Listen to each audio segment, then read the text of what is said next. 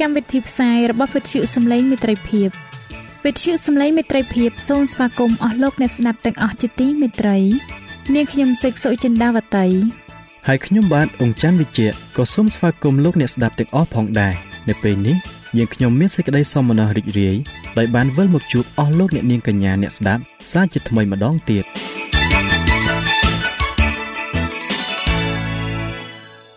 ចា៎លោកអ្នកស្ដាប់ជាទីមេត្រី នាងខ្ញុំសូមគោរពអញ្ជើញអស់លោកលោកស្រីអ្នកនាងកញ្ញាតាមដានស្ដាប់កម្មវិធីផ្សាយរបស់វិទ្យុយើងខ្ញុំដូចតទៅ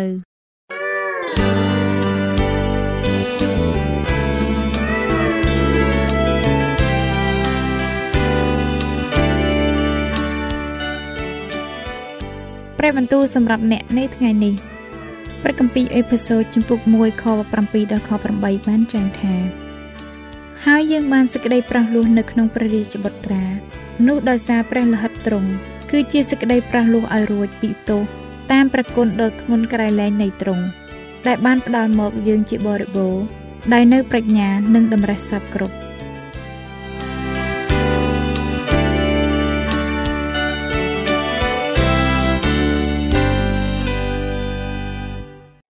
មេរៀនទី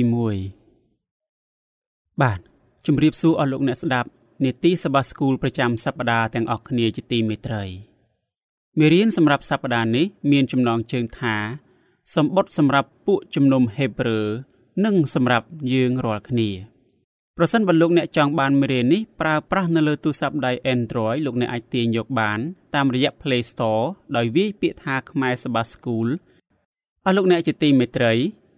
មេរៀនសម្រាប់សប្តាហ៍នេះយើងនឹងក្រឡេកមើលនៅចំណុចនិងសំណួរមួយចំនួនដូចតទៅជាទូទៅ យើងមានរបៀបរស់នៅតាមបែបគ្រីស្ទៀនដែលធ្វើឲ្យយើងមានលក្ខណៈខុសពីអ្នកដទៃហើយលក្ខណៈនេះឯងដែលតែងតែញែកយើងចេញពីអ្នកដទៃជានិច្ចនោះដូច្នេះតើយើងអាចរស់នៅ ក្នុងជីវិតបែបនេះ ដោយមិនធ្វើឲ្យអ្នកដទៃគិតថា យើងមិនបានខ្វល់ខ្វាយពីពួកគេដោយរបៀបណាដែរ តើបទពិសោធន៍នៃពួកគ្រីស្ទៀននៅក្នុងកានគម្ពីរហេព្រើរមានលក្ខណៈដូចគ្នាទៅនឹងពួកជំនុំឡាវដឺសេនៅក្នុងព្រះគម្ពីរវិវរណៈជំពូក3ចាប់ពីខ14ដល់ខ22ដោយរបៀបណាតើយើងអាចរៀនមេរៀនអ្វីខ្លះចេញពីបទពិសោធន៍នៃពួកជំនុំនៅក្នុងកានគម្ពីរហេព្រើរអរលោកអ្នកស្ដាប់ជាទីមេត្រី តើលោកអ្នកធ្លាប់មានបំណងចង់បង្វិលពេលវេលាឲ្យត្រឡប់ថយក្រោយដើម្បីទៅស្ដាប់ព្រះយេស៊ូវឬសិស្សណាម្នាក់របស់ទ្រង់អធិប្បាយនៅក្នុងព្រះគម្ពីរដែរឬទេ ជាក់ស្ដែង យើងអាចអានសេចក្តីអធិប្បាយរបស់ទ្រង់និងសេចក្តីអធិប្បាយរបស់សិស្សរបស់ព្រះអង្គនៅក្នុងព្រះគម្ពីរបានប៉ុន្តែសេចក្តីអធិប្បាយទាំងនោះមិនដូចគ្នានឹងការដែលបានស្ដាប់ព្រះយេស៊ូវ និងសិស្សរបស់ទ្រង់ផ្ទាល់ក្នុងការចែកចាយសេចក្តីអធិប្បាយទាំងមូលនោះទេព្រះបានប្រទានសេចក្តីអធិប្បាយដ៏ពេញលេញមួយនៅក្នុងព្រះគម្ពីរនោះគឺជាសម្បត្តិទៅកាន់ពួកជំនុំហេព្រើរអ្នកប្រាជ្ញខាងឯព្រះគម្ពីរបាននិយាយថាសម្បត្តិនេះ គឺជាសេចក្តីអធិប្បាយដ៏ពេញលេញដំបូងដែលយើងបានទទួលលោកប៉ុលបានសរសេរសម្បត្តិទៅកាន់ពួកជំនុំហេព្រើរ គាត់បានប្រាប់អ្នកអានរបស់គាត់ថាគាត់បានសរសេរសម្បត្តិដើម្បីជួយដល់ពួកអ្នករាល់គ្នាលោកប៉ុលបានសរសេរកាន់គម្ពីរហេព្រើរសម្រាប់ពួកគ្រីស្ទៀនដែលត្រូវគេបៀតបៀននិងធ្វើបាបបន្ទាប់ពីពួកគេបានទទួលជឿដល់ព្រះយេស៊ូវពួកគ្រីស្ទៀនទាំងនេះបានឆ្លងកាត់នូវគ្រាលំបាកជាច្រើន អ្នកដតីបានកុហកនិយាយរឿងអាក្រក់អាក្រក់និងគំរោះគំរើយទាស់នឹងពួកគ្រីស្ទៀនជាសាធារណៈ ដើម្បីធ្វើឲ្យពួកគេមានការឈឺចាប់ពួកគ្រីស្ទៀនខ្លះទៀតបានចាត់ទុកមាសប្រាក់និងទ្រព្យសម្បត្តិជារឿងសំខាន់ទី2នៅពេលដែលពួកគេទទួលជឿដល់ព្រះយេស៊ូវនោះ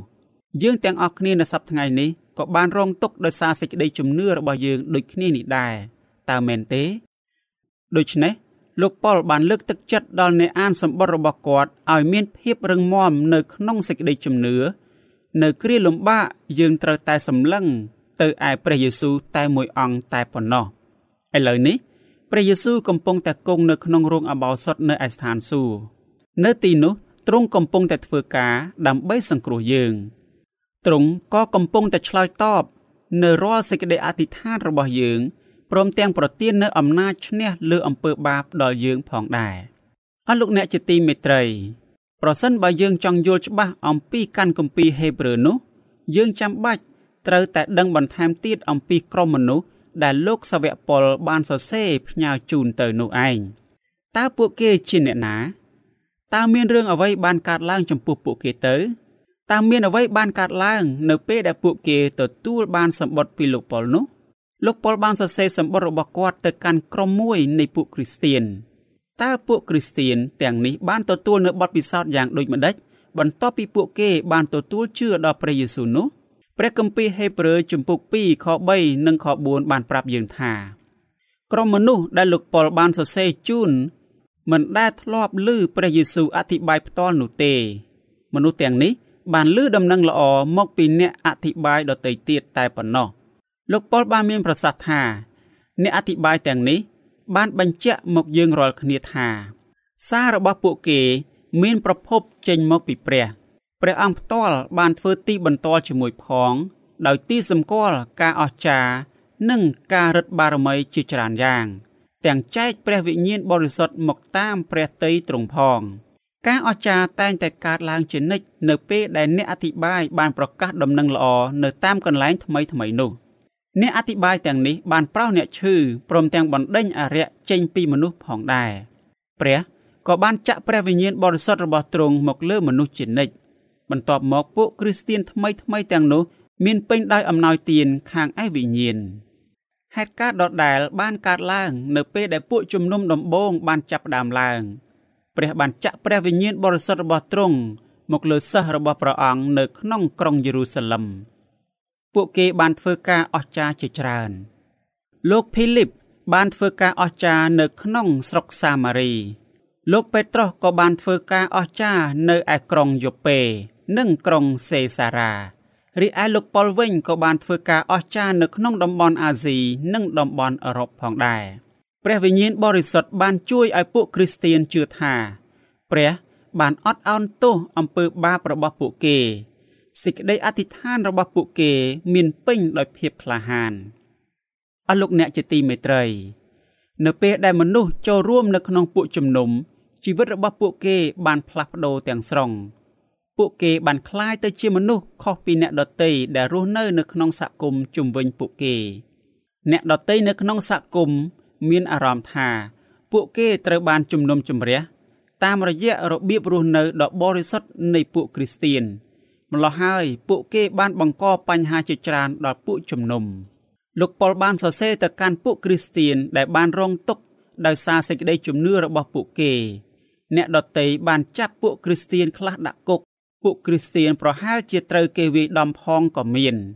មេដឹកនាំនៅសម័យនោះមិនយុត្តិធម៌ឡើយ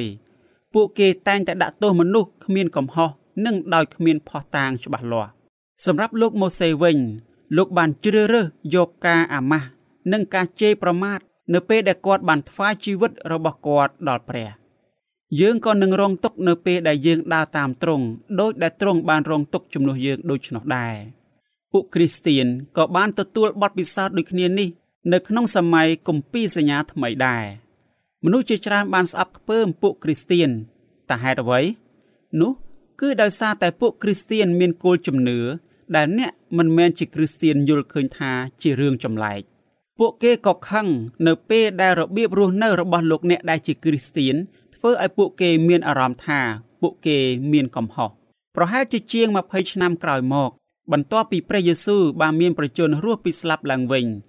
នោះលោកថាស៊ីថសដែលជាមេដឹកនាំជនជាតិរ៉ូម៉ាំងម្នាក់បានជឿថា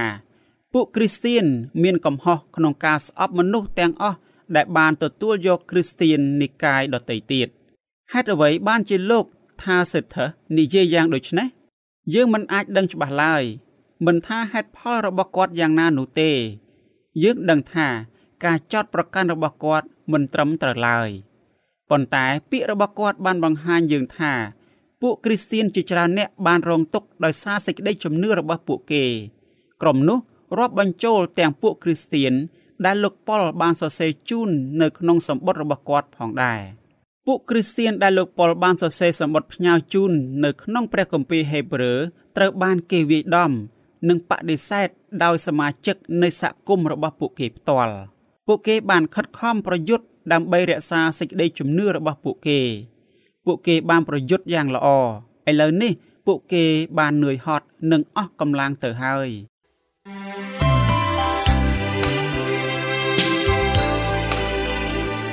សេចក្តីជំនឿកើតឡើងដោយលឺហើយដែលលឺនោះគឺដោយសារព្រះបន្ទូលនៃព្រះ តាមរយៈវិទ្យុសំឡេងមិត្តភាព AWR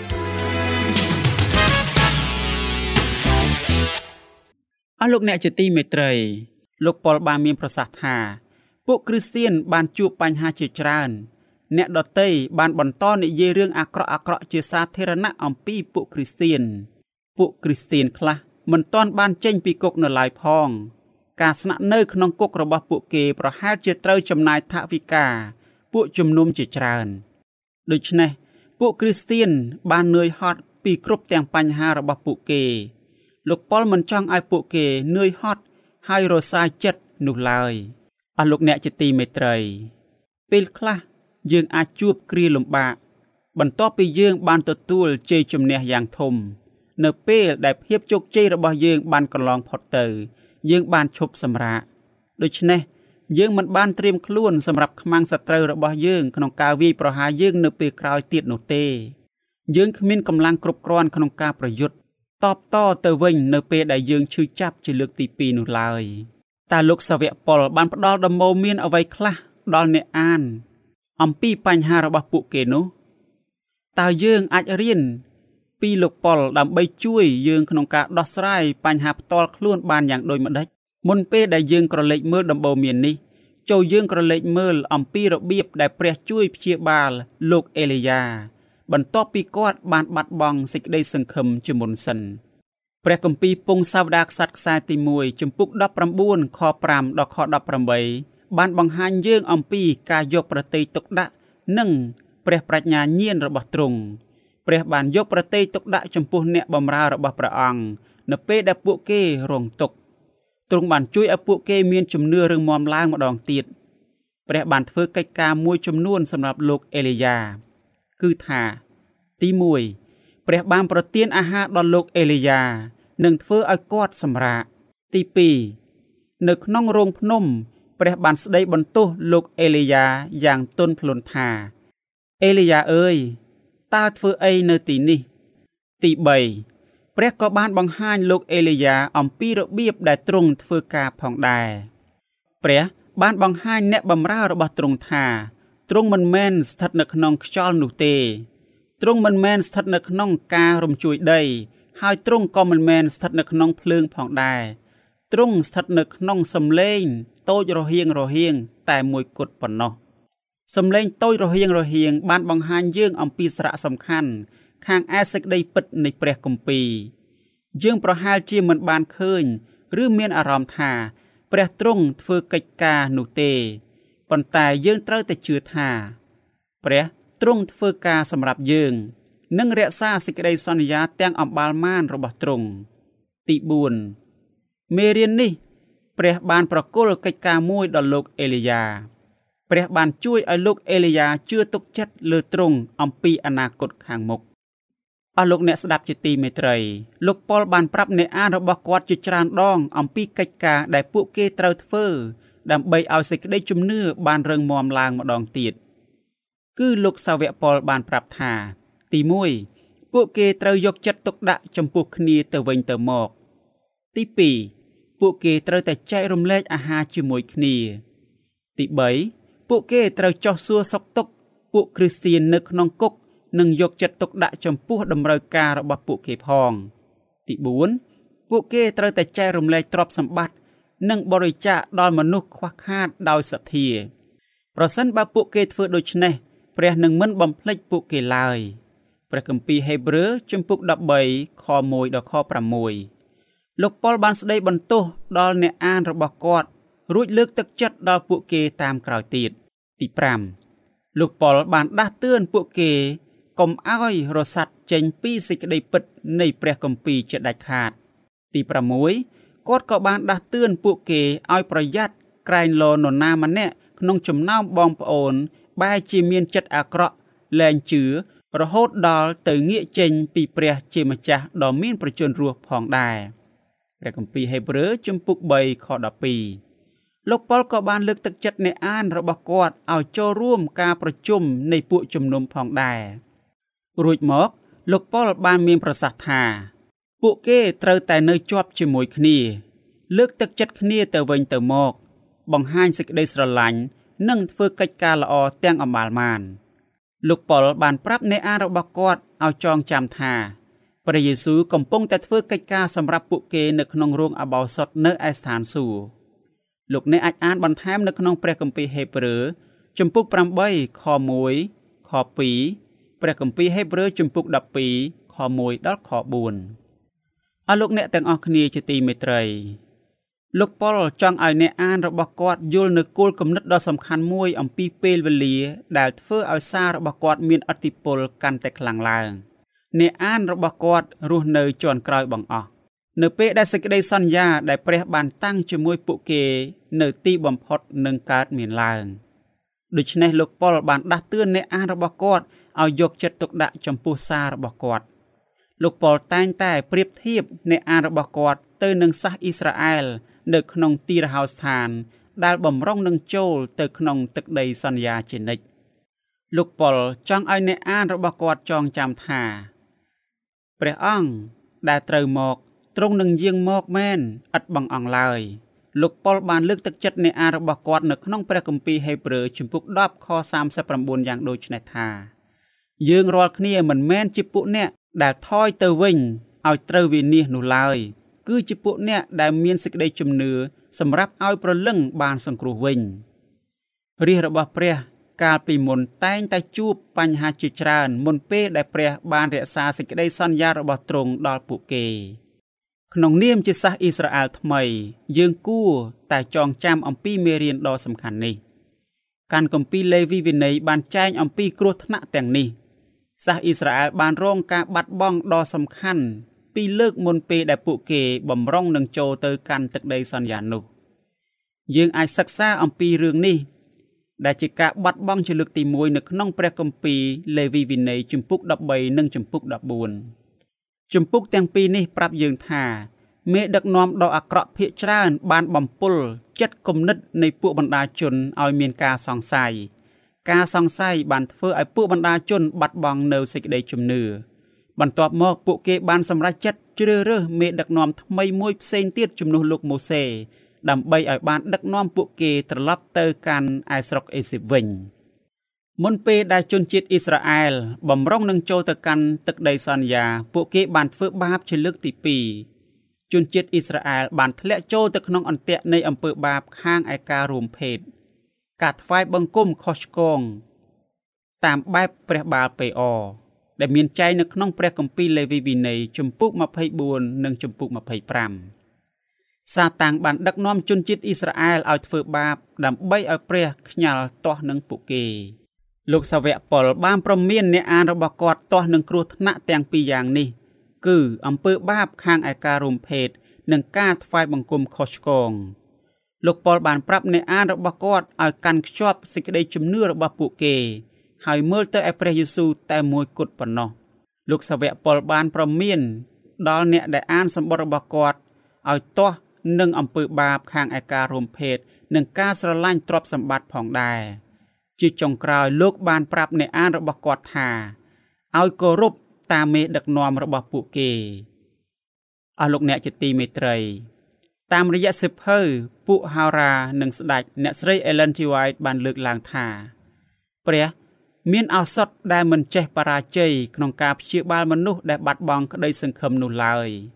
ឱសថនោះ គឺជាសេចក្តីជំនឿសេចក្តីអធិដ្ឋាន និងការអនុវត្តតាមត្រង់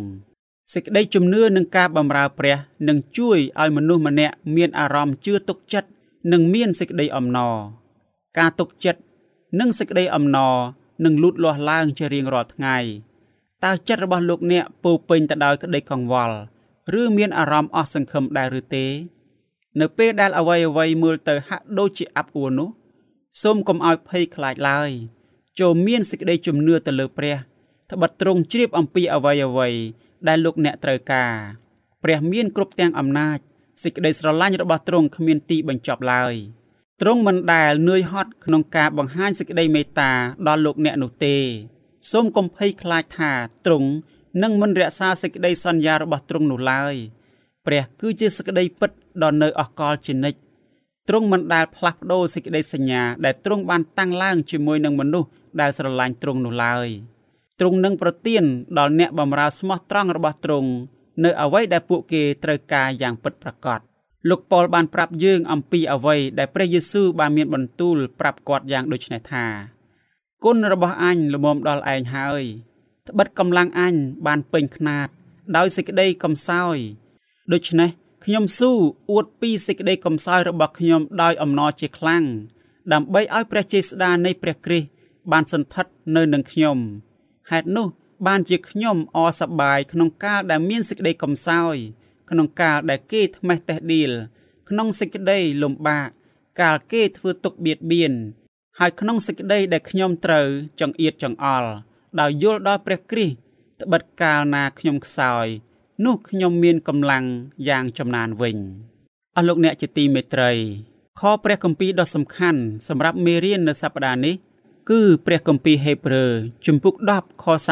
36ដែលខនេះបានចែងយ៉ាងដូចនេះថា ត្បិតអ្នករាល់គ្នាត្រូវការនឹងសេចក្តីអត់ធ្មត់ដើម្បីឲ្យបានទទួលសេចក្តីដែលបានសន្យា ដោយធ្វើតាមព្រះハរតីព្រះដូច្នេះសូមឲ្យអត្តន័យនៃមេរៀននេះ បានជាប្រពរដល់អស់លោកអ្នកទាំងអស់គ្នា ដើម្បីតយុទ្ធបន្តទៅមុខទៀតដើម្បីឲ្យទទួលបាន នៅសេចក្តីដែលទ្រង់បានសន្យាសម្រាប់អស់លោកអ្នកដែលរក្សាភាពស្មោះត្រង់ជាមួយនឹងទ្រង់ កម្មវិធីយើងនឹងវិលត្រឡប់មកជួបអស់លោកអ្នកជាថ្មីម្ដងទៀតនៅសប្តាហ៍ក្រោយសូមអរគុណសូមព្រះប្រទានពរអាមែន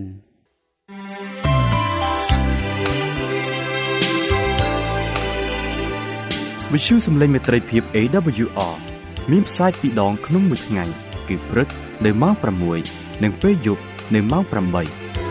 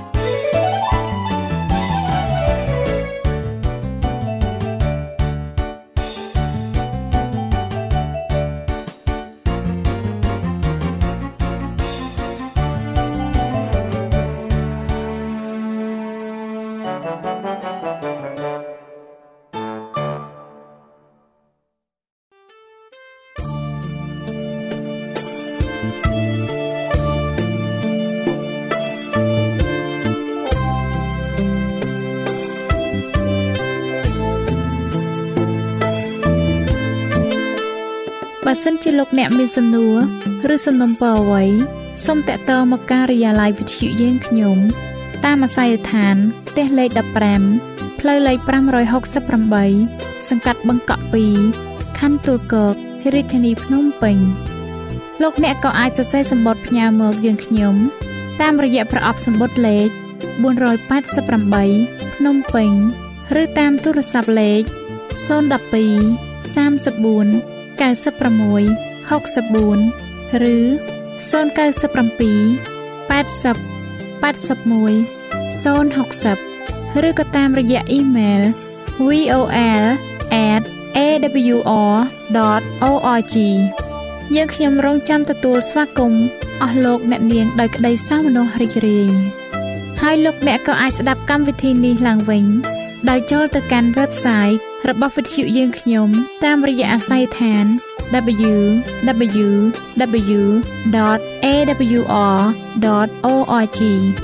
លោកអ្នកនាងកញ្ញាជាទីមេត្រី កម្មវិធីផ្សាយរបស់វិទ្យុសំឡេងមេត្រីភាពនៅពេលនេះសូមបញ្ចប់តែប៉ុណ្ណេះយើងខ្ញុំសូមអរគុណចំពោះការតាមដានស្ដាប់របស់អស់លោកអ្នកតាំងពីដើមរហូតដល់ចប់យើងខ្ញុំសូមជូនពរឲ្យអស់លោកអ្នកនាងកញ្ញាទាំងអស់បានចម្រើនឡើងក្នុងព្រះគុណព្រះអង្គម្ចាស់ ហើយក្នុងការទទួលយកព្រះយេស៊ូវគ្រីស្ទជាព្រះអង្គម្ចាស់និងជាព្រះអង្គសង្គ្រោះនៃយើងរាល់គ្នា